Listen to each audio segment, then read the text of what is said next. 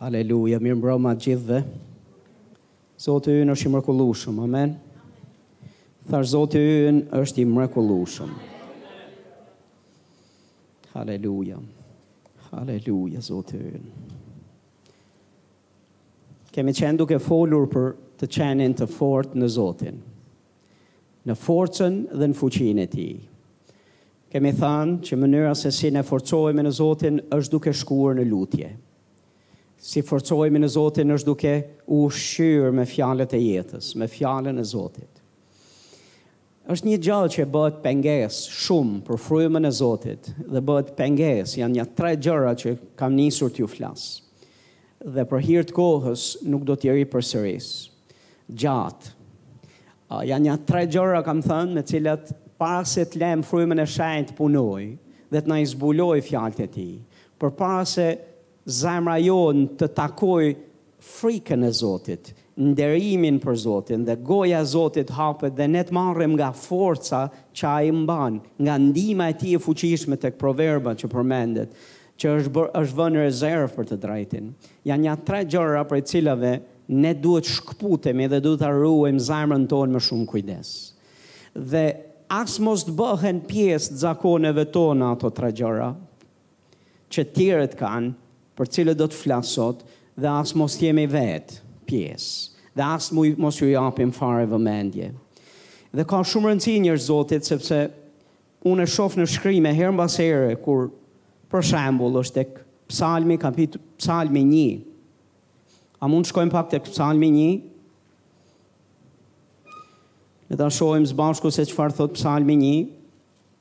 Psalmi i parë nis në këtë formë. Thotë lum njeriu që nuk ecën sipas këshillës së të pabesëve, që nuk ndalet në rrugën e mëkatarëve dhe nuk ulet bashkë me tallësit. A e vini re se çfarë thotë këtu? Li i lumtur thotë është një njeri. Thotë vargu dy thotë por që gjen kënaqësinë e tij në ligjin e Zotit dhe që mendon thellë ditë e natë mbi ligjin e tij. Ky njeri Do të jetë si një pemë e mbjellë pranë brigjeve të ujit, që jep frutin e tij në stinën e tij dhe të cilit gjethet e tij nuk i fishken, dhe gjithçka që bën do të ketë mbarësi. Tani ne i dimë, më së shumti kemi folur për vargun dy dhe vargun tre. Lum njeriu që gjen kënaqësi në ligjin e Zotit dhe që mediton thellë ditë dhe natë. Ky njeri thotë do të jetë si një pemë e mbjellë pranë brigjeve të ujit, gjethet e së cilës nuk do të fishken kurrë dhe gjithçka që do të bëjë do të ketë Domethënë, në qoftë se ne duam të jemi të gjallë, në qoftë se duam të jemi të freskët, Nëse ne duam të jemi plot jetë, nëse duam të jemi të frutshëm në çdo stinë, kur është stina jonë e të dhënit frut, në qoftë se duam që gjërat tona të shkojnë mbarë, çelësi është duhet të gjejmë kënaqësi ku? Çelësi është, fjala e Zotit thotë është i lumtur ai njeriu që gjen kënaqësi. në ligjin e Zotit dhe që mediton dhe mendon për të thellë, jo sipërfaqësisht, por thellë dhe thotë ditë edhe natë. Në qoftë se ne kemi një jetë dhe stil jetese, kur tek fjala e Zotit dhe lidhja jonë me fjalën e Zotit është jo e përditshme, Dhe nuk është e thellë, por është një lidhje sipërfaqësore. Është një lidhje jo serioze. Është një lidhje e cila nuk është në në në listën e prioriteteve tona, nuk është autoritet fjala e Zotit për ne dhe në listën e prioriteteve është kur të na ngelet naj copë kohë Nëse kemi kohë, po po edhe po s'pati kohë dhe po s'kemi kohë për fjalën e Zotit, nuk ka rëndësi, se zihemi me punë, se zihemi me gjëra, të cilat nuk janë domosdoshmërisht të këqija. Janë të mira, nuk janë mëkate, nuk është imoralitet, nuk janë gjëra të cilat janë që mund thuash, Pastor pse është gabim që të bëj këtë gjën? A është gabim që të shoh një film të pastër dhe të shpenzoj A është gabim që unë të të pi një kafe me dikë? A është gabim? Jo, absolutisht që s'është gabim. Këto janë gjëra të mira që duhen bërë. A është gabim që të kalosh kohë me familjen edhe absolutisht që nuk është gabim, madje kanë kohën e vet. Por fjala e Zotit a ka kohë dhe vëmendjen tonë, vëmendjen tonë. A është fjala e Zotit dhe lidhja jote me fjalën e Zotit serioze? A është fjala e Zotit e para për ty? I lumtur është ai njeri që ka lidhje të ngushtë me fjalën e Zotit, që pi kafe me fjalën e Zotit. Në mund ta themi kështu. Që merr kohë serioze, ulet dhe kalon kohë me fjalën e Zotit. Ky njeri do të jetë si një pemë e mbjellë pranë brigjeve të ujit. Një pemë e mbjellë pranë brigjeve të ujit është një pemë e bekuar. Është një pemë që rrënjët e veta i ka tek burimi i duhur. I ka rrënjët e veta, thash, tek burimi i duhur.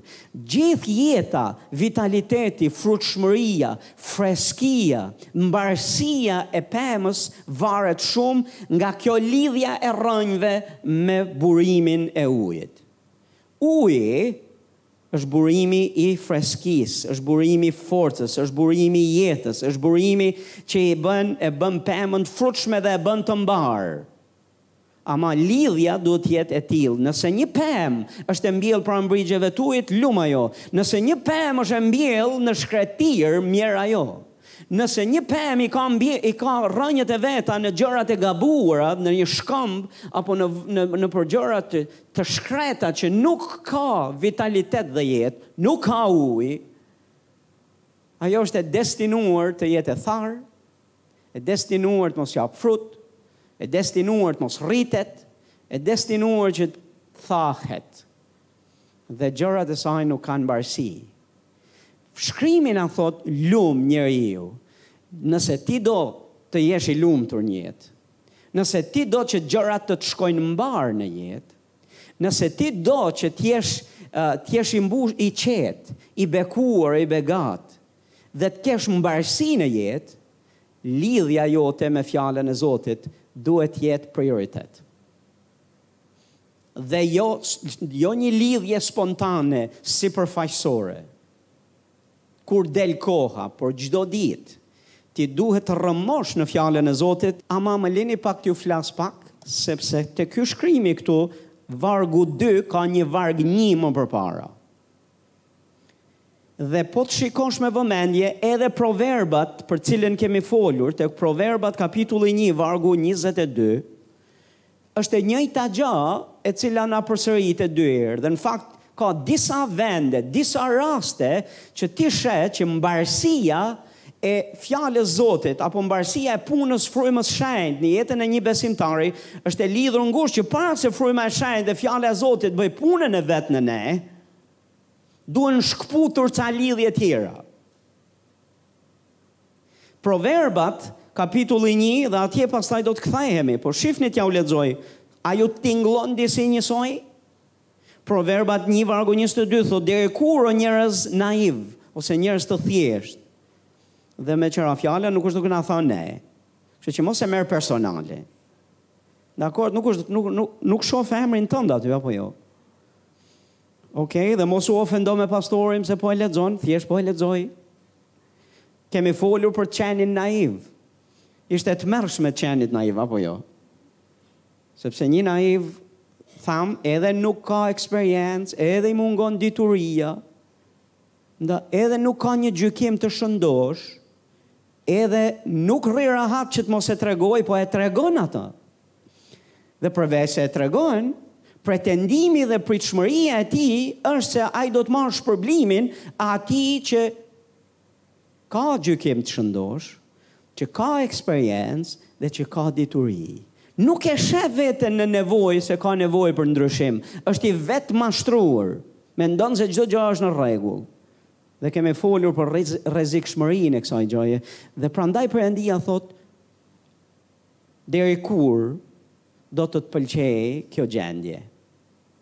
Nuk është opsion për njeriun e Zotit që t'i mungojë urtësia, që mos të njohësh vullnetin e Perëndisë për jetën tënde.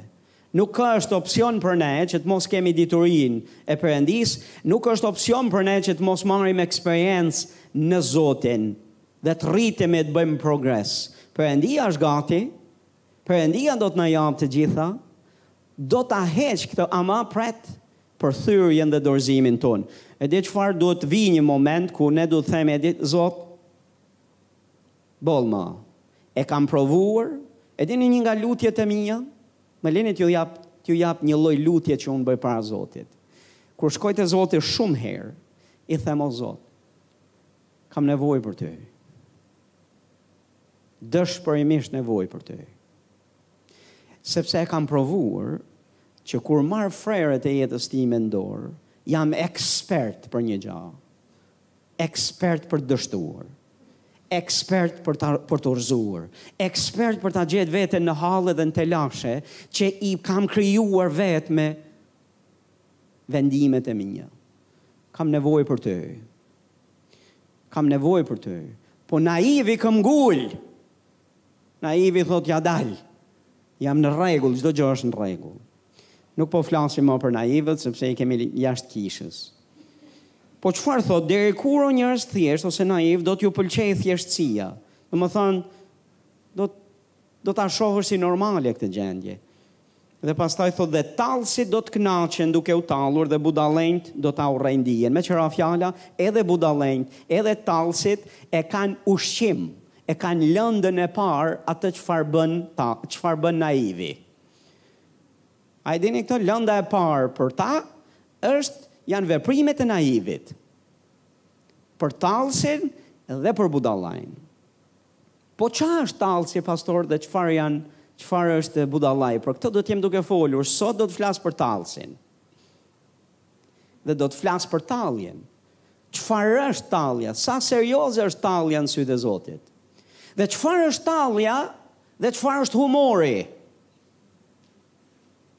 Dhe a ka naj ndryshim dhe a duhet të ketë naj ndryshim në kishën e Zotit?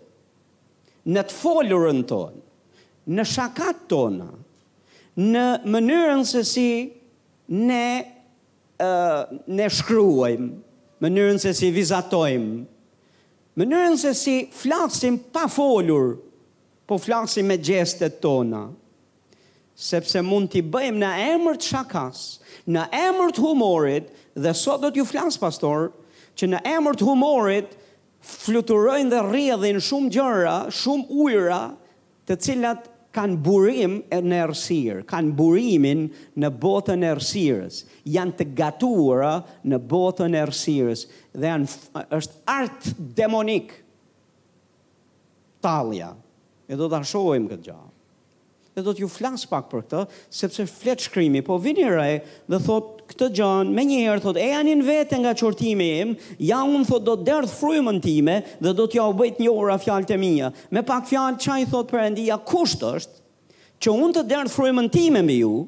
Që unë t'ju zbuloj fjalët e mia ju, ju duhet bëni këtë gjanë, ju duhet të ndryshoni një herë, ju duhet vini në vete, ta poziciononi veten në atë pikë ku unë mund ta derdh frymën mbi ju. Sa prej jush doni ringjallje në jetën tuaj dhe sa prej nesh duam ringjallje në kishë? Ringjallje ka kur këto dy elementë janë me bollëk në kishën e Zotit. Kur Fryma e Shenjtë ka liri, kur Fryma e Shenjtë vepron, kur Fryma e Shenjtë e manifeston veten e vet, kur Fryma e Shenjtë është rehat në shpinë e vet. Dhe kur Ai zbulon Fjalën, na bën të njohura Fjalën, ka ringjallje në kishë, ka ringjallje në jetën tonë. Dhe Perëndia do rizgjim në jetën tonë. Dhe para se ta bëjë edhe kusht është. Shifeni është kusht.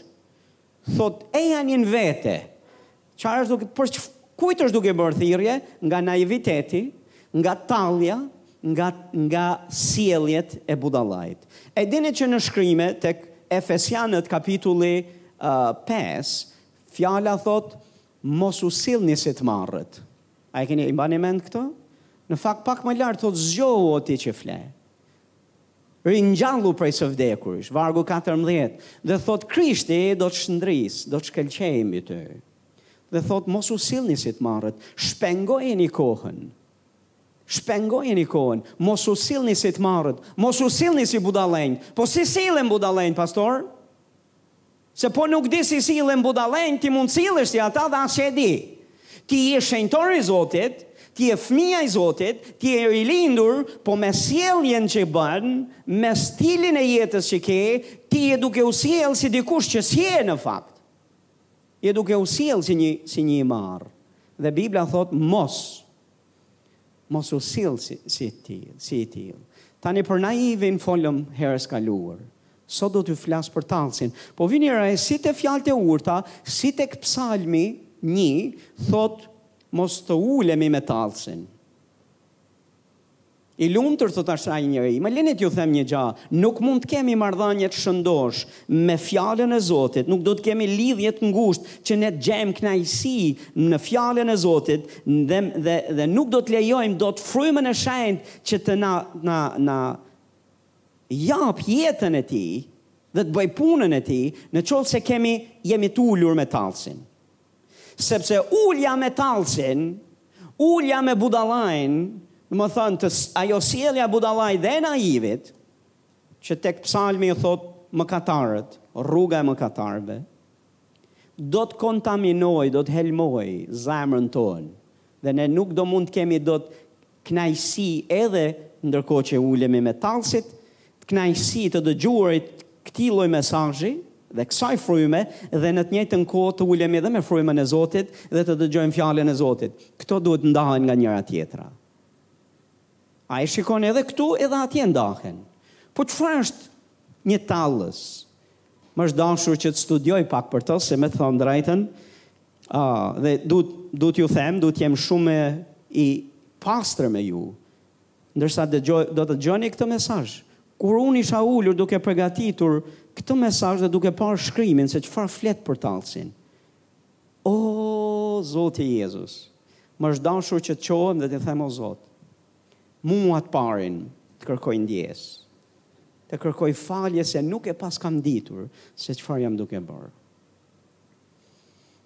Tallës, nëse merrni shënime, Do të doja që ta ti merrni këtë shënim. Se do ju duhet. Tallës. Është dikush që është i bindur. Domethënë, këto janë studimet e mia se çfarë thotë një fjalor, çfarë thotë një tjetër, çfarë thotë një shërbyes, çfarë thotë një tjetër, dhe duke hulumtuar edhe vetë shkrimet e shenjta dhe duke parë. Janë janë në esencë është kjo çfarë do t'ju mësoj. Tallës është dikush që ka bindje të plotë se dikush tjetër apo diçka, dikush apo diçka nuk meriton respekt sepse e konsideron të marrë, të paaftë ose pa vlerë. Ka akoma për të thënë. Domethënë tallës është dikush që është i bindur në zemrën e vet është i bindur plotësisht se dikush apo diçka nuk meriton respektin e tij, nuk meriton respekt, sepse e konsideron atë apo atë gjë si të marrë, të paaftë ose pa vlerë. Tallësi gjithë këtë bindje e shpreh me fyerje me ironi, me shaka, me arrogancë qoftë dhe të hapur dhe duke vënë në lojë. Në Bibël ne shohim që ka plot raste që tallësi Tallësi, ti do të shohësh janë ca janë ca uh, kur flitet për fjalën tallje, ke ca fjalë të tjera që përdoren, po që është e njëjta gjë. Përqeshës, përbuzës, përçmues. Kudo ku shihni këto fjalë, janë karakteristikë e talljes. Karakteristikë e tallësit. Domethënë tallësi, kur është i bindur që dikush është pa vlerë, dikush është nuk meriton respekt, Dikush është i domethënë nuk ka naj naj naj çmim dhe nuk meriton, nuk e meriton këtë dhe ka këtë bindje, e shpreh. Dhe e shpreh në këto forma që fola. Fyrje, ironi, shaka, arrogancë dhe vën njerëz i ven në lojë. Gjithë qëllimi i aktrimit të tallsit është të shpreh pakënaqësi, refuzim, përçmim dhe injorim. Tallësi ndryshe thash quhet edhe përqeshës ose dikush që vë njerëzit, vë të tjerët në lojë apo vë gjërat që s'duhet t'i vërë në lojë. Sot bota është plot me njerëz të tillë. Disa e kanë edhe profesion, quhen edhe aktor të satirës dhe të humorit. Disa këtë lloj arti e shprehin në mënyra të ndryshme, e shprehin me shkrim, hmm? shaka dhe ironi dhe fyrje me shkrim, ca me piktura, çfarë quhen këta? Karikaturist, apo jo? Disa me pa të folur, ka mënyra të ndryshme se si e ven në jetë aktrimin dhe artin e tyre Për botën, njerëz Zotit, humori dhe dhe tallja nuk kanë pikë ku janë të shkrira në nji, sepse për ta nuk ka frerë. Për ne si kishë, për ne si njerëz Zotit duhet shohim, duhet të jemi në gjendje të dallojmë dhe të ndajmë humorin e pastër nga tallja, sepse nuk është gabim të kesh humor, nuk është gabim që të qeshësh, nuk është gabim që të thuash ca gjëra të cilat janë për të qeshur. Sepse në do Perëndia dikë që të qesh dhe të jetë plot gzim, ai do kishën.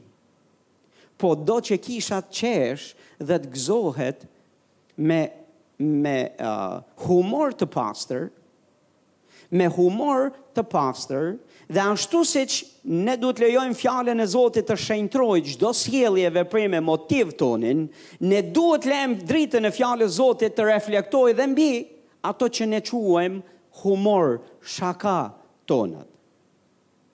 A jeni këtu?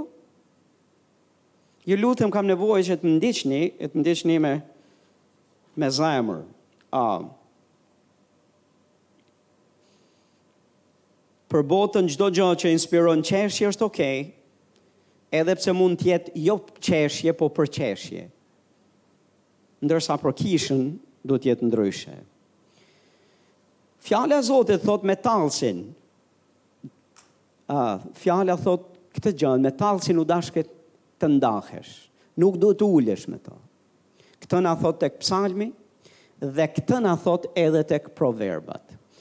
Po le të shohim bashkë disa gjëra që janë me shumë rëndësi rreth talljes. Se çfarë thot shkrimi, çfarë thot fjala e Zotit për këtë punë. Një herë se disa prej jush mund të jeni akoma duke menduar për këtë që jam duke folur, dhe më leni të shohim një varg Lini t'ju flas pak për artin demonik të tallësit. Proverbat 26, vargu 18 deri në 19. Ashtu si një i marrë, që gjuan me ura zjarri, me shigjeta dhe me vdekje, kështu është ai që mashtron të afërmin e vet, edhe thotë bëra shaka. Çfarë thot kjo? Bëra çfarë? Domethënë, ky që bën shaka, thot mashtron në emër të shakas. Në shakan e vet ka mashtrim.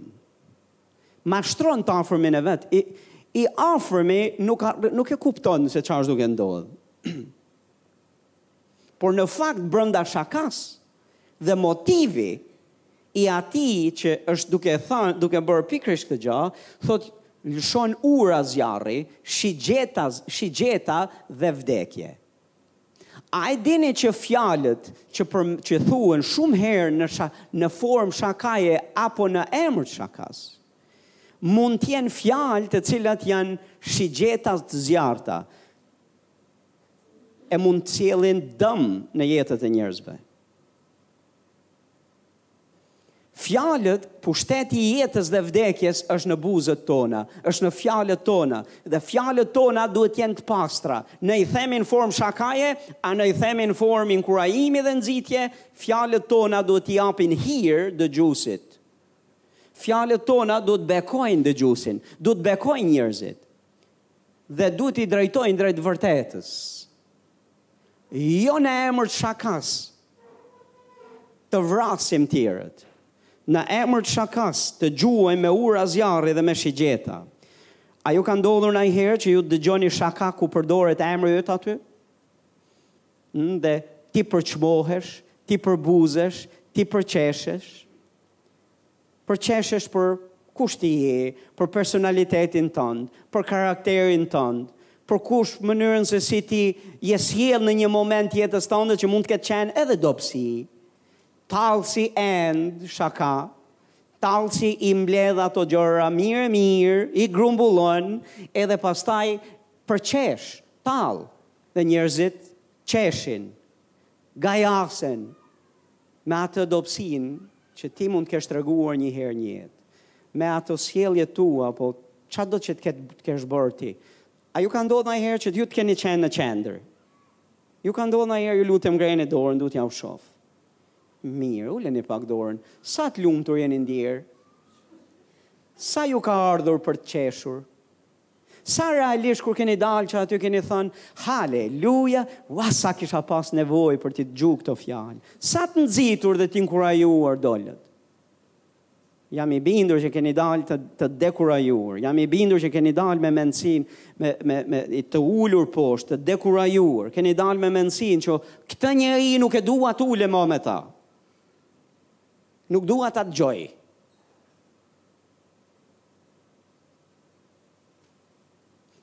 Proverbat njëzet e gjashtë, tetëmbëdhjetë deri në nëntëmbëdhjetë janë shumë të rëndësishme. Tani më lini pak të flas.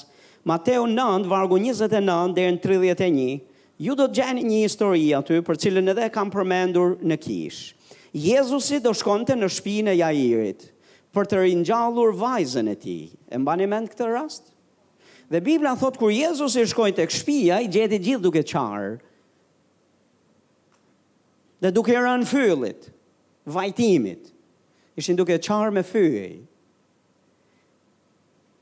Dhe është shumë, shumë e rëndësishme se këta njerëz që qanin, realisht nuk e kishin me të bashkë me të vërtetë. Pse? Sepse kishin një karakteristikë të tyre që e shohim pak më vonë. Jezusi tha, vajza po fle. Jezusi e dinte që vajza ishte e vdekur, po tha po fle. Dhe tallësit, thotë e tallën, filluan ta tallin Jezusin. Dhe Jezusi ndaloi, nuk hyri në shpi, por kërkoi që të dëboheshin të gjithë tallësit nga shpia. Të dilnin të gjithë nga vend, nga, nga, nga, nga ajo shpi.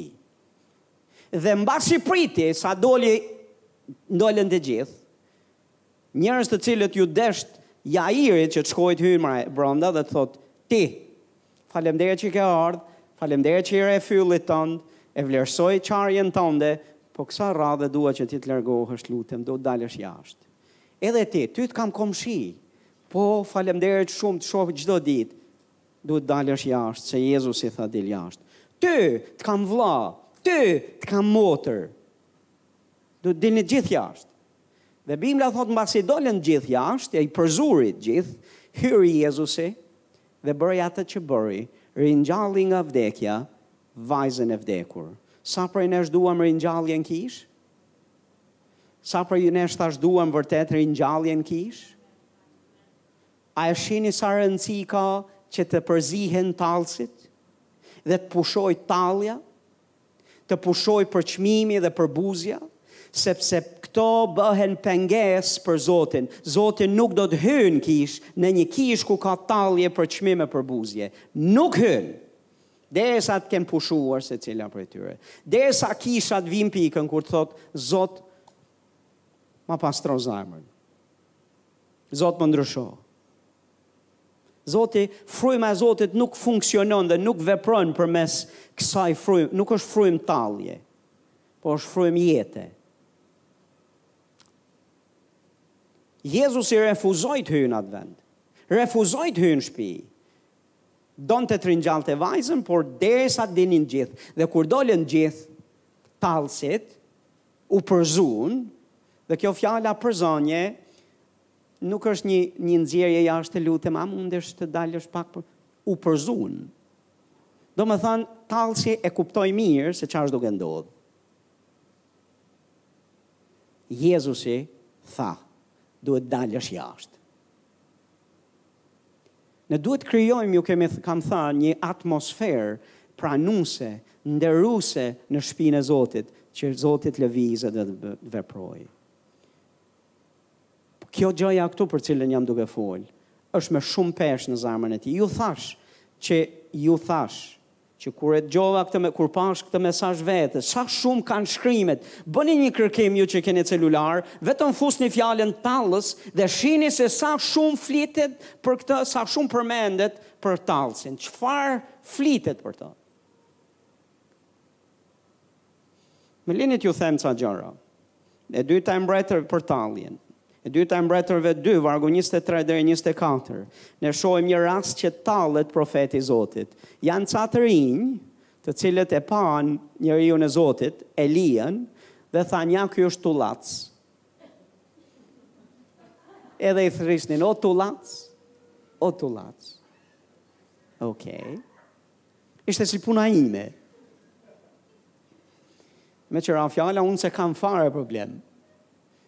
Po ja që profeti i Zotit e kishte problem, kishte problem talljen.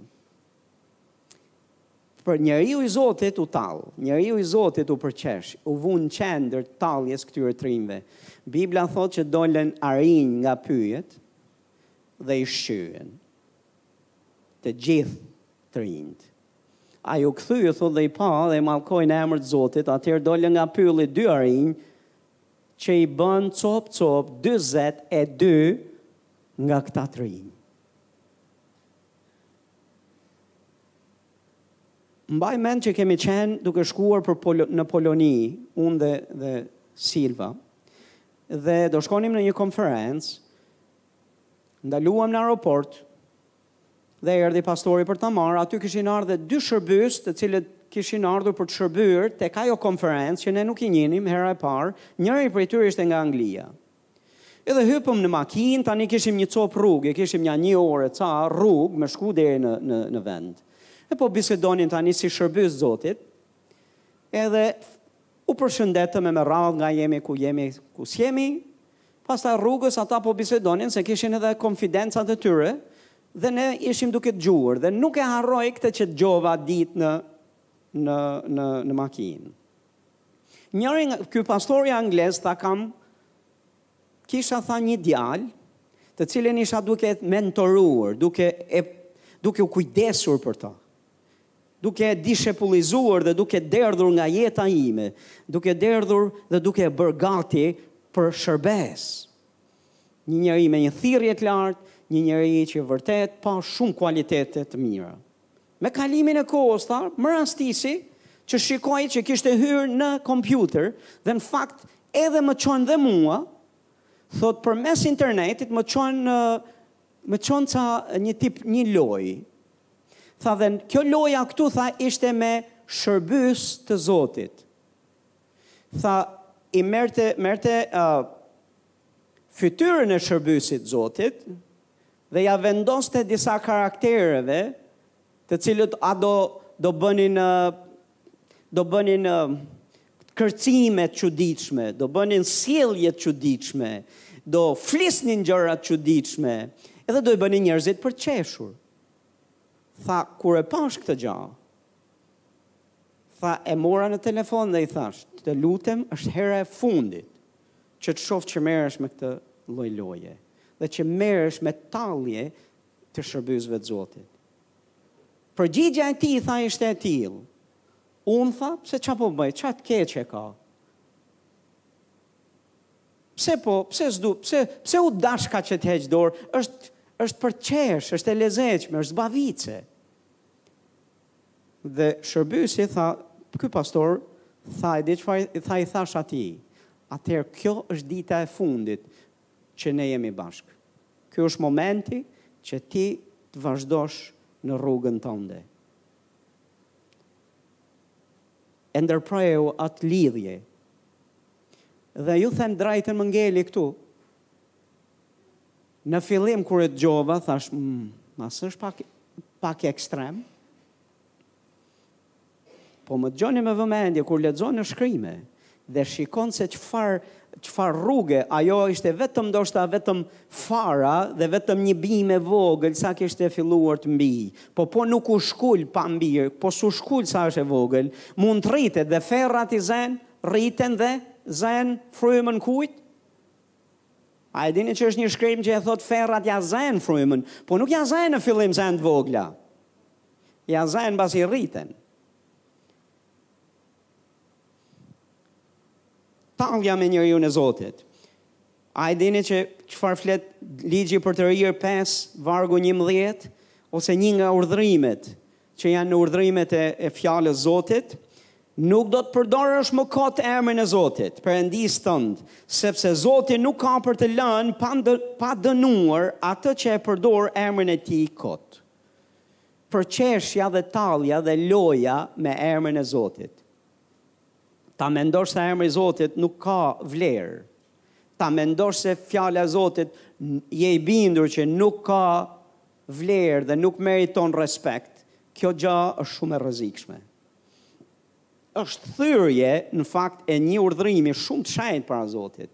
Dhe kur dikush e përdor këtë emër sikur të ishte pa vlerë, sikur të ishte njësoj me emrin e Avdiut e Hysenit dhe nuk ka të njëjtën peshë, më falni dhe ka të njëjtën peshë, me këto emra dhe nuk ka peshë më të lartë dhe nuk ke nderim dhe respekt për emrin e Zotit, ashtu siç e meriton si Zot, si Perëndi, si i plotfuqishëm dhe suprem, është e rrezikshme njerëz Zotit.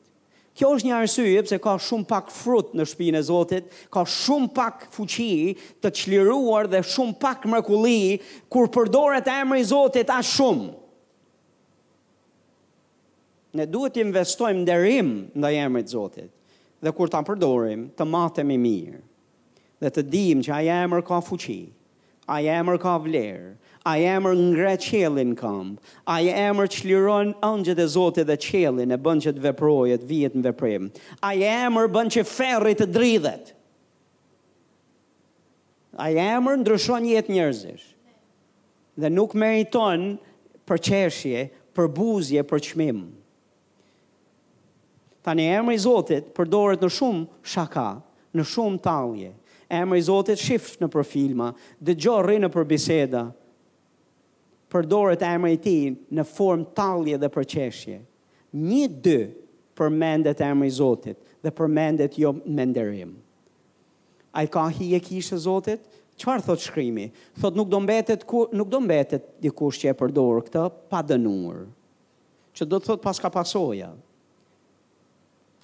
Po çfarë flet tjetër fjala? Tallja me fjalën e Zotit. Tani tallja me fjalën e Zotit dhe tallja ka nivele nivele. Po shifni të shohim një shkrim, Proverbat 13, vargu 13. Thotë, ai që e përçmon fjalën, Ai që e ve n'lojë fjalën, ai që e përçmon, ai që nuk e vlerëson fjalën. A mbani mend ju thashë tallësi, përqeshja, përçmimi, përbuzja, shkojnë së bashku. Thotë ai që e përçmon fjalën do të shkatërrohet. Domethënë nuk do u forcoka. Nuk do u bekoka, po do shkatërrohet. Thotë por ai që respekton urdhërimet, urdhërimin do të shpërblehet. Me pak fjalë ai që do që që merr fjalën e Zotit si urdhërim e merr fjalën e Zotit si urdhër për t'u zbatuar, e merr jo si opsion dhe nuk e merr lehtas, po e bëra mirë, po s'e bëra, por realisht e vlerëson fjalën e Zotit dhe e merr për urdhër. Fatkeqësisht sot kemi një brez që nuk di as se ça është urdhri. edhe që nuk mund t'i urdhërosh për gjë. Duhet gjithçka t'jua thuash në formën e aman e të lutem me po deshe e po ke kohë am si si të ta bëj më të lehtë që ti ta bësh këtë gjën që që do të të kërkoje nuk e di a të lëndon atë a është mos shumë që të të kërkoj që ti të bësh këtë gjën dhe janë ca standarde që i kemi në kish Për të qenit shërbyes po domethënë, a mos është shumë, se mos po mërzitesh. Ma është shumë e vështirë, kurse dikush që ka nderim për fjalën e Zotit, edhe ato fjalë që nuk janë urdhrim, ai i merr si urdhrim. Jo ma ato që janë urdhrime. A, oh, pastor, po ne jemi në testamentin e ri dhe ne jemi çliruar nga dhjetë urdhrimet. Po jemi çliruar nga 10 urdhërimet. Tani kemi veç dy urdhërime. Çfarë urdhërime ishin? Duaje Zotin me gjithë zemër, me gjithë shpirt, me gjithë forcën tënde dhe shërbej veç atij dhe duaje të afërmin si veten tënde. Kemi ligjin e dashurisë, pastor. Po a e dini që thot kur i bëjmë këto, kemi përmbushur të dhjeta dhe a e di që në Testamentin e Ri ke më shumë urdhërime se sa në Testamentin e Vjetër. Nuk kemi rituale dhe nuk kemi uh, ato ritet e pastrimit edhe ligjet e levitikut, e ato që përmenden tek Numrat, po urdhërime, përveç atyre testamentit vjetër, kemi edhe tjera. Thot, ju keni dëgjuar, tha Jezusi. Hmm? Sy për sy, e dhëmb për dhëmb. Por nuk do të jetë kështu për ju, do ta çojmë në një standard tjetër. Duaje armikun tënd. Duaje të afërmin tënd. Si veten. Dhe është urdhërim shumë i thjeshtë. Një. Por nëse e bën këtë, thotë ke përmbush gjithë urdhërimet tjera. Ai që përçmon thot fjalën, ai që ven në lojë fjalën e Zotit, fjala e Zotit është e shenjtë. Dhe fjala e Zotit dhe atë çfarë fjala e Zotit thot nuk do të jetë kurrë në tallje dhe vënie në lojë, as në formë shakaje. Më leni t'ju them një një një rast. Një një gjë që kam bërë unë, që më rrënqethet akoma shpirti kur e mendoj. Po do ta them. Do ta them se ndoshta të ka ndodhur dhe ty të nxjerrësh ndonjë gjë të kësaj natyre që ke thënë, oh, do kisha dashur që kurrë mos dilte nga buzët e mia. Mbaj mend që shkuam në një kishë.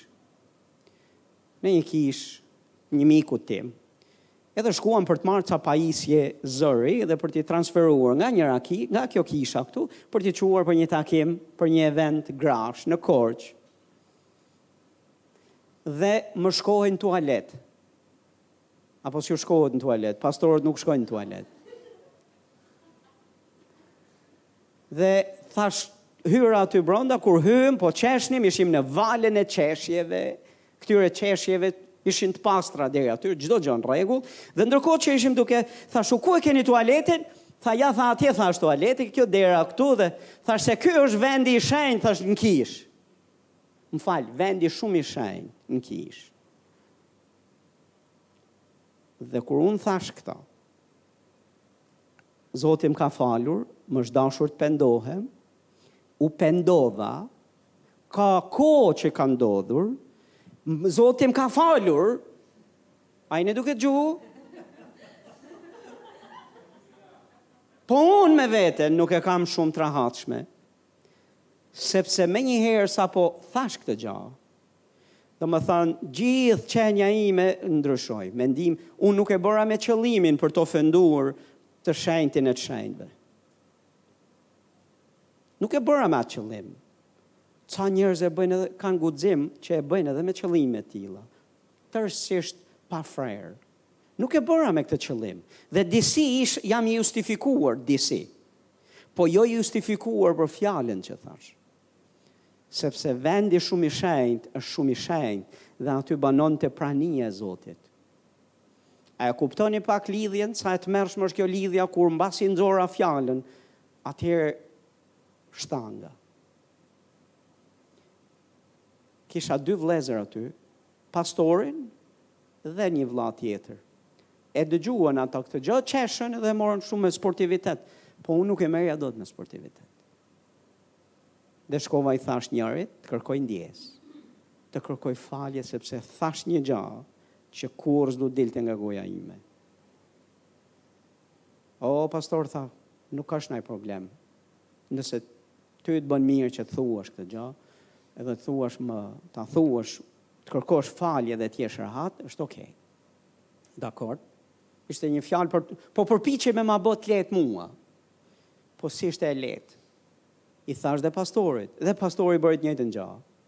Tha, unë as e vura re, me të thënë të drejtën, tha, uh, pastor, uh, në qoftë se zemra jote është në këtë gjendje, dhe të bën mirë që ti ta thuash më bën mirë mua.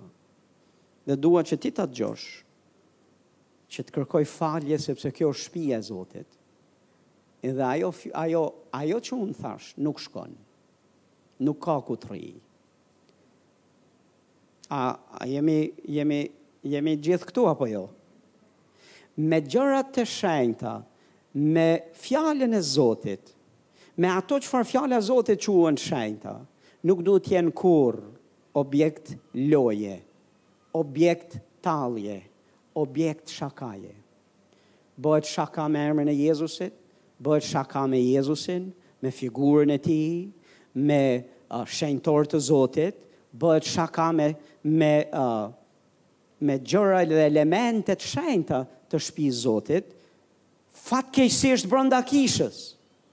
Se mirë bota e bën, po bota kisha i dëgjon, Dhe pastaj i postojmë edhe në Facebook, ia postojmë edhe njëri tjetrit dhe themi shife shife se ça është për të qeshur. Dhe presim që të qeshim. Jo njerëz të Zotit. Meqë ra fjala, a, flasim më vonë. Po le të shohim pak një gjë tjetër, tallja me vëllezërit dhe me motrat në kishë. Dakord, pa të flasim çfarë thotë Bibla për këto? Mateu pesë, vargu njëzet e dy, thotë, Unë po ju them, kushdo që zemërohet pa shkak kundër vëllait të tij, do t'i nënshtrohet gjyqit. Dhe kush i thotë vëllait të vet rraka, rraka, me pak fjalë, thotë do t'i nënshtrohet sinedrit. Dhe kush do t'i thotë budalla, do t'i nënshtrohet zjarrit të gehenës. Wow! Kujt është duke folë, për çfarë është duke folur këtu, është duke folur për marrëdhëniet tona me njëri tjetrin dhe është duke thënë kush zemërohet pa shkak kundër vëllait të tij, do t'iu nënshtroka gjyqit, kush i thotë vëllait të vet rraka, domethënë dhe edhe një përkthim tjetër thoshte, kjo fjala rraka çfarë do të thotë, se po hyja dhe të kërkoja çfarë do të thotë fjala rraka. Janë emra përçmues. T'i vësh emër, një titull, një emër dikujt për ta tallur, për ta përqeshur, për ta vënë lojë. Okej, është duke fol gjithashtu thotë dhe kush do t'i thotë tjetrit budalla.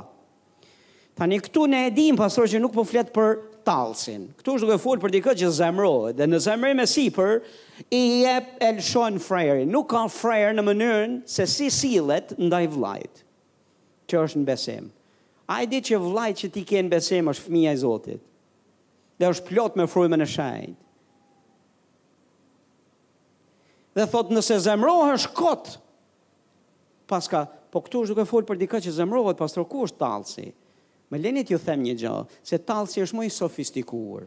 Zemrimin e vet përçmimin e vet, përbuzjen e vet, gjithmonë e përcjell me ironi, e përcjell në një mënyrë të hollë dhe të sofistikuar që edhe qeshet me atë gjë. Po thelbi është i njëjtë.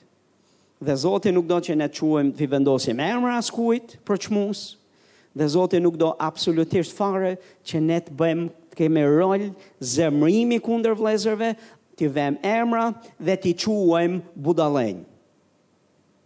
Është shumë shumë është shumë me peshë. Çfarë thotë? sepse ai që e bën këto thotë do t'i nënshtrohet zjarrit gehenës. Kujt? Ama se s'e ka me vërtet Jezusi. Nuk mendoj se e ka për ne, apo jo? Nuk mendoj se e ka për ata që janë duke dëgjuar këtë. Këtu e ka, e ka dhënë si, si një ide që thjesht na friksojë, thjesht të na bëjë pak serioze që ne ta kuptojmë. Unë besoj që është aq serioze çdo fjalë që ka dalë nga goja e Jezusit, ai nënkupton atë që thotë. Dhe ça do të thotë kjo për mua dhe për ty? Ti dhe unë nuk e kemi lluksin e të thënit, po u zemrova, po më dola jashtë kontrollit, po e humba, po, po. Nuk e kemi këtë lluks, sepse ne kemi frutin e vetëkontrollit dhe duhet ta zhvillojmë atë, kemi frymën e Zotit brenda nesh dhe duhet t'i vëmë frerë. O ishte për të qeshur, ai mendimi që më erdhi në mendje ishte aq për të qeshur sa nuk e mbajta dot, e nxora. Të lutem mbaje pak. Ruaje veten. Ruaje se ka pasoja. Po le të flasim edhe pak më shumë proverb për këtë gjë. Proverbat 14 vargu 21 thot kush e përçmon të afërmin e vet, mëkaton. Çfarë bëka? Kush është i afërmi ynë? Kush kemi naj doktor ligji këtu? Ndonjë doktor ligji e kemi se është një ishte një doktor ligji në Bibël që erdhi dhe ta vinte në provë Jezusin dhe i tha Jezus, kush është i afërmi im? Dhe Jezusi i tha kush është i afërmi, gjithkush që ke për rreth. Aq më tepër vëllezërit. A është i afërm vëllai yt? Ma afër se kaq ku ka me shku? Po gjithashtu gjithkush që është i i rreth në këtë që është njeri, është i afërmi ynë në sytë e Zotit. Dhe thot kush e përçmon të afërmin e vet, që do thot kush e vën në lojë të afërmin e vet, në kishë a jashtë kishe, çfarë bën? Më katon. Bota mund ta bëj, Mund të paguhet mirë, mund të zbavisë, mund të bëjë programe tallëse sa të duash, kisha nuk duhet të zbavitet, kisha nuk duhet të bëhet pjesë, kisha nuk duhet të jetë absolutisht përçuese e këtyre gjërave. Pse? Sepse mëkaton. Ti dëmton veten dhe thot, por ai që ka mëshirë për të varfrin është i lumtur. A di ça është duke thënë ai që ka mëshirë për të varfrin? Kjo fjala i varfër po e shikoja me kujdes. Nuk është duke fol për dikat që vetëm është i varfër financiarisht dhe s'ka bukë për të ngranë, por është duke fol për një të varfër që i mungojnë shumë gjëra. I mungon edhe buka dhe uji, po me thënë të drejtën i mungon pak.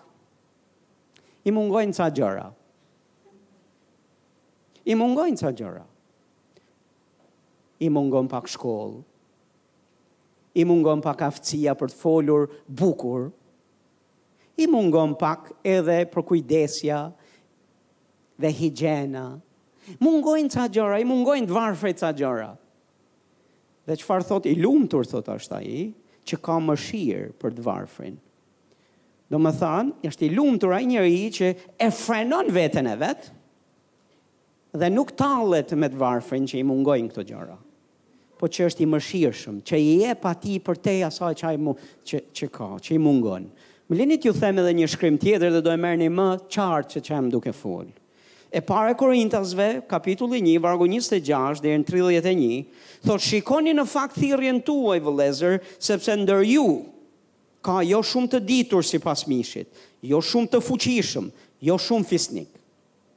Por Perëndia thotë ka zgjedhur gjërat e marra të botës për të turpëruar të urtët. Perëndia ka zgjedhur gjërat e dobëta të botës për të turpëruar të fortët. Perëndia ka zgjedhur gjërat jo fisnike të botës dhe gjërat e përçmuara dhe gjërat që nuk janë për të asgjësuar ato që janë. që asnjë mish të mos mburret përpara tij, por prej tij, thotë, ju jeni në Krishtin Jezus, i cili nga Perëndia u bë për ne dituri, drejtësi, shenjtrim dhe shpengim, sikurse është shkruar, ai që mburret, le të mburret në Zotin.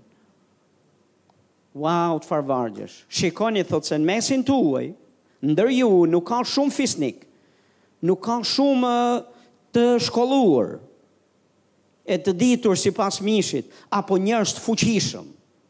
Këto janë sipas standardeve të botës. Ju mungojnë vëllezër, veç ca gjëra. Ju mungon fisnikëria, ju mungon ju mungon të qenit të fuqishëm dhe ju mungon dituria. Shikoni pak. Por thotë, mos harroni se këta që janë në këtë gjendje që janë ndër ju, janë zgjedhurit e Perëndisë. Këto është duke fol. Ki kujdes se janë zgjedhurit e Perëndisë. Dhe Jezusi vdiq për ta dhe u bë për ta dituri, shenjtrim e gjithë këto gjërat këtu. Jezusi me pak fjalë i ka zgjedhur dhe do t'i përdorë ata për të shokuar botën dhe për t'i treguar botës që këta që janë të pafuqishëm e të përçmuar e të përbuzur prej jush, janë ata të cilët do të mposhtin botën dhe do ndryshojnë jetë njerëzish dhe do bëjnë gjëra të mëdha, sepse Perëndia është në anën e tyre dhe i fuqizon. Tani, nëse bota s'duhet t'i përçmojë, se Zoti i ka marrë, i ka në mision dhe puna e tij është duke u marrë me ta, kush jemi ne që marrim rolin e përçmimit, e talljes, e vënjes në lojë të të afërmit? A ke vënë në lojë ndonjëherë dikë me emër e me mbiemër? Ose nuk i ke vënë emrin dhe mbiemrin, po këtu ti e di se për kë po flet. E ke këtu. Unë e kam bërë, fatkeqësisht, ka pas plot raste që kam qenë unë autori, ka pas plot raste që unë kam thënë e, e kam zgjatur domethënë kemi kemi tjerë bashkë me ca miq të mitë. Pyetje, në qoftë se do të dëgjonte i afërmi yt, dhe do të dinte atë çfarë ti flet mbas krahëve, me shokët e tu, me miqtë e tu, dhe do të ishte aty dhe do të shifte dhe do të dëgjonte të folurën tënde, shakan që je duke për, përdor, që për ty është për t'qesh, dhe do të dëgjonte që Kjo gjoja këtu kjo gjë a do ndërtohej? A do bekohej? Në qoftë se jo njeri i Zotit, në qoftë se jo fmi i Zotit, dije se në qoftë se shkojmë në këtë shteg, është shtegu i gabuar, jemi duke mëkatuar, dhe jemi duke krijuar një atmosferë, e cila është pengesë për frymën e shenjtë, pengesë për fjalën e Zotit dhe për punën e Zotit mesin tonë. Dhe ne nuk e duam këtë gjë apo jo? Tash nuk e duam këtë gjë apo jo? Oh. E dyta e Pjetrit tre vargu një deri në katër, Juda një, shtatëmbëdhjetë deri në nëntëmbëdhjetë thonë të njëjtën gjë. Dhe më lini të lexoj vetëm Judën, mos ju lexoj të ju marr gjithë kohën, kohës. Por ju shumë të dashur, mbani mend fjalët që ju ka parathënë apostujt e Zotit tonë Jezus Krisht. Tek Pjetri thotë mbani mend dhe fjalët e apostujve dhe fjalët që vetë Zoti Jezus jua tha. Dhe cilat janë, thotë, ata ju thoshin që në kohët e fundit do të ketë tallës që do të ecin sipas pasioneve të tyre të paudhësisë. Këta janë ata që shkaktojnë përçarje dhe janë njerëz mishorë, njerëz që nuk kanë frymën ose nuk janë nën influencën e frymës. Dhe po të shohësh të gjitha ato vargje nëse keni kohë. dhe t'i studioni, do të shihni që kanë një gjo të përbashkët këta njerëz. Këta njerëz që janë dhënë talljes dhe përbuzjes dhe fyerjeve dhe tek Pjetri thotë përçmojnë dhe fyejnë dinjitete, autoritete. Autoritete, njerëz të cilët janë në pozita autoriteti, i venë në lojë, i përçmojnë, i tallin, i përbuzin, i fyejnë. Guxojnë thotë ta bëjnë këtë gjë. Dhe po të lexoni aty bo, flitet për një rast që engjëlli i Zotit, engjëlli i Zotit. Mikaeli ishte në një betejë me me djallin vetë. Dhe thotë nuk guxoi, nuk e fyeu. Por i tha Zoti të qortoftë djallit. Vetë edhe është si shembull. Dhe aty flet dhe ju do të shihni që ka një këta njerëz që janë tallës fatkeqësisht po po ta shohësh me kujdes kanë probleme edhe me gjëra të tjera. Kanë probleme edhe me imoralitetin dhe është shumë e theksuar, ishin janë të lidhura. Lexojini këto vargje dhe shihni se sa të lidhura janë me njëra-tjetrën. Sepse flitet për Sodomën dhe Gomorën dhe flitet për atë çfarë ndodhen, ata e përqeshën, ë uh, Njeriun e Zotit që ndërtoi varkën në kohën e Noeut, ne shohim pak më vonë Sodomën dhe Gomorën të cilët përsëri ishin në imoralitet, ju do t'i shihni që janë në të njëjtën linjë. Dhe këta thotë, thonin një gjë, që Zoti do të vonojë, Zoti nuk do të vijë kurrë. Fjalët që janë folur se je, se Zoti do të vijë, domethënë janë Dhe vinin në lojë këtë fjalë. Vinin në lojë këtë mesazh. Ju e keni të shkruar aty. Këtë jam duke thënë të vesh në lojë ato gjëra që për Zotin janë serioze. Të vesh në lojë fjalën e Zotit, mesazhin e Zotit. Është me shumë, me shumë peshë. Në qoftë se predikohet një fjalë nga këtu, Më dëgjo me vëmendje. Predikohet dhe flitet një fjalë dhe ka plot raste që unë e di, që e kam parë, që është fryma e Zotit dhe ne kemi dalë që këtu kemi dalë në heshtje. Ju ka ndodhur ndonjëherë dilni në heshtje, s'do të flasësh, s'do të dëgjosh njeri, të lutem, sepse je nën bindjen e Zotit, se ti je je ke je prek nga prania e Zotit, është aq e çmuar ajo për ty. Mund të kesh dëgjuar një qortim, a mund të kesh dëgjuar një mesazh i cili është me shumë peshë për ty dhe ti je në këtë gjendje bindje nga Zoti dhe më ka ndodhur që të dëgjoj ca shaka dhe të dëgjoj ca njerëz të pandjeshëm që s'dinë se çfarë janë duke bë. Nuk është koha, duhet dish dhe kohën edhe për humor. A e dini që Biblia thotë dhe për humor të pastër, thotë gëzo me atë që gëzohet dhe qaj me atë që qan. Dhe nëse sheh ti këtë që është duke qarë, nuk është koha për qesh. Nuk është koha, mund të jetë qeshja gëzimi yt shumë i madh. Gëzohu, po shko gëzohu me dikë që është i gëzuar. Po ki kujdes. Aq më tepër të të aq më tepër tallje. Një varg i fundit se e shoh që nuk janë vargjet e fundit, po është i fundit. Më falni e dytë e fundit. Isaia njëzet e nëntë njëzet thotë sepse tirani do të jetë zhdukur, tallësi do të jetë shkatërruar dhe do të jetë shfarosur, do të jenë shfarosur tërë ata që kurdisin paudhësi. E para e Korintasve gjashtë dhjetë, ndër njerëzit të cilët nuk do të trashëgojnë mbretërinë e Perëndisë, ti ke përqeshësin. E ke aty dhe për, në Bibla të tjera thotë tallësin, këtu thuhet është e njëjta gjë, përqeshës, tallës. A e shihni se sa peshë ka? Nëse duam që fryma e Zotit veprojë, që Jezusi të sjellë rizgjim, që fjala e Tij të lulëzojë, ne kemi nevojë të jemi shumë të kujdesshëm, të shumë të kujdesshëm. As të zhvillojmë uh, oreks për tallës se, për të, për të ulur me tallësin dhe për të dëgjuar talljet e veta dhe as për të aq më tepër të zhvillojmë artin e tallësit. Jo në kishën e Zotit. Amen. Dhe jo për ne. Kështu që çfarë do t'ju lë një detyrë praktike? Përveç se të kontrolloni veten tuaj dhe shakat tuaja. Nëse do merrni shaka dhe Nëse do dikush do ju postojë naj gja që është për t'qesh. Të lutem bëje një analizë dhe bëje pyetjen vetes, a është i afërmi im i vënë në lojë? Apo tallet dikush?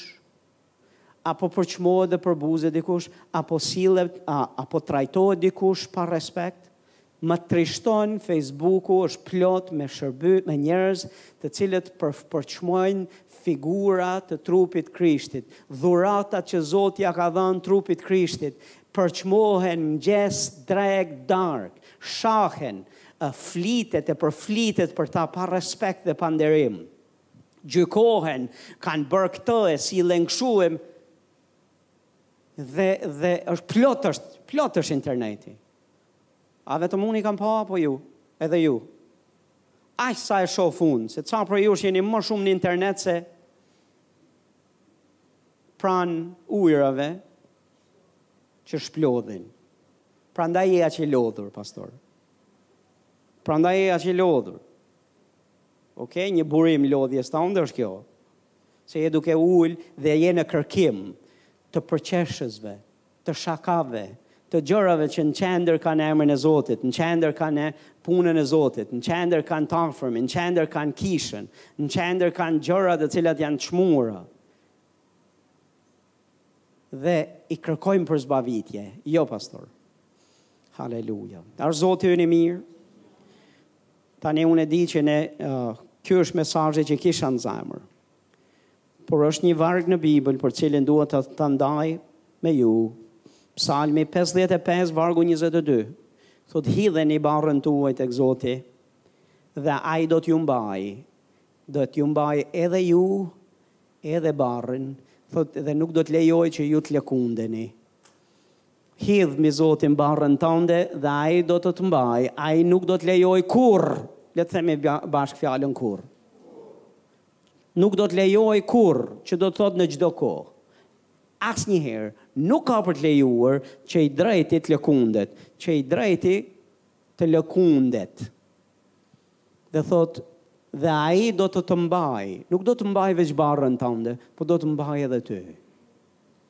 Dhe kjo është një fjalë që e kam për ju, të cilët jeni të rënduar nga barra të rënda. Nga gjëra që ju mundojnë dhe shqetësojnë. Tek Filipianët katër, vargu gjashtë, thotë mos u shqetësoni për asgjë, por para së gjithash,, parashtroni kërkesat tuaja me përgjërime, me lutje, me falënderim Perëndisë. Thotë dhe paqja e Perëndisë që tejkalon çdo kuptim do të ruajë mendjet tuaja dhe zemrat tuaja në Krishtin Jezus. Këto vargje janë shkruar për dikë që është duke kaluar furtunë, që është me të ikë mendja e me të lëshu zemra. Nuk është duke folë për për ca probleme e halle të vogla. Është duke folë për dikë që është në hall dhe është në atë nevojë që është nuk nuk nuk e di se ça po ndodh. Më ka aq peshë sa po të ikë mendja dhe po të lëshon zemra. Në qoftë se zgjedh që të mos shqetësohesh për hir të fjalës Zotit dhe zgjedh të kërkosh ndihmën e Perëndisë me besim, dhe t'i thuash Perëndi, po po nuk ndërhyre ti, unë e di që jam i shkatërruar, unë e di që çdo gjë ka përfunduar, po unë dua ta hedh këtë barrë ty, dua të të kërkoj ty të ndërhysh, dua të besoj që ti do të më ndihmosh. Perëndia gjënë e parë që do të bëjë është do të t'ja paqe një herë ty. Në mendje dhe në zemër. Do të japë paqen e tij, që është fuqi e mbinatyrshme. Ti do të jesh i qetë, ti do të jesh në prehje, ti do të jesh i pushuar. Dhe Zoti ka për, është, është një lloj sikur Zoti do të thotë, mos u shqetëso më, ma le mua këtë situatë se e zgjidh unë. Më lër mua të hyj në skenë se do të bëj unë punën që ti s'e bën dot. Dhe kjo është një fjalë që e pata për dikë, Në qoftë se ishte për ty dhe është si si si zjarr në zemrën tënde dhe thua kjo më dëshmon pastor. Kjo fjalë kisha nevojë t'i dëgjoj këto fjalë. Se ajo çfarë po kaloj është e rëndë, është e vështirë, duket pa pa rrugëdalje, duket si e errët. Dhe kam nevojë për dorën e Zotit. Dora e Zotit t'u shtri, fjala e Zotit shëron, fjala e Zotit bën të lirë. Kjo është fjala e Zotit. Guxo të t'ia hedhësh barrën tënde Zotit. Guxo t'i thush Zot, unë un dua të lutem të ta lë ty këtë situatë se po m'ik mendja dhe po më lëshon zemra. Dua që ti të ndërhysh dhe ki besim Dhe nga ky moment e mbrapa veç falëndero Zotin. Veç thuj Zot, unë nuk e di si do të veprosh. Unë nuk e di se çfarë rruge do të bëhet. Unë nuk e di se si do kthehet kjo situatë. Nuk mund ta arrij ta kuptoj se çfarë si mund të shpëtoj dhe të dal që këtu. S'e kuptoj, por një gjë di që ti mundesh. Ti mundesh, ti e ke dëgjuar britmën time, ti e ke dëgjuar thirrjen time, ti e ke dëgjuar zërin tim në lutjet e mia dhe unë të falënderoj që ti më vjen në ndihmë. O Zot, ti je ekspert për t'i kthyer rrethanat e jetës në favorin tim. Sepse ti ke thënë në Fjalën tënde që ti i kthen për mirë, çdo gjë bashkëvepron për mirë, për ata që duan Ty, dhe çfarë më ka ngelur mua, o Zot, nuk i ndrroj dot, nuk i ndryshoj dot rrethanat e mia tani, por këtë gjë që kam në dorë do ta bëj, të dua Ty. E mbështes dashurinë time tek Ti. E var dashurinë time tek Ti. Psalmi 91 thotë këtë gjë. sepse ke vendosur dashurinë tënde mbi mua, do të të ngrajë në një vend të sigurt, ku nuk do kesh frikë nga asgjë dhe do jesh i sigurt. Zoti do të bëjë që të të çojë te ai vend i sigurt. Është një vend i sigurt nën hijen e krahëve të tij, enkas për ty. Hyr aty, gjej prehje e siguri. Ti veç var dashurinë tënde tek ai. Ti veç hidhi barrën atij. Ai do të të mbajë dhe kurrë nuk do të lejojë. Edhe në këtë rast që duket sikur ti po lëkundesh dhe duket sikur do bie tani a do biesh pastaj. Nëse le Zotin të hyjë në skenë, thashë, nëse e le dhe ja beson atij, ti nuk do të lëkundesh, se do të të mbajë ai ty dhe barrën tënde. Dhe ti do të dalësh i bekuar në anën tjetër.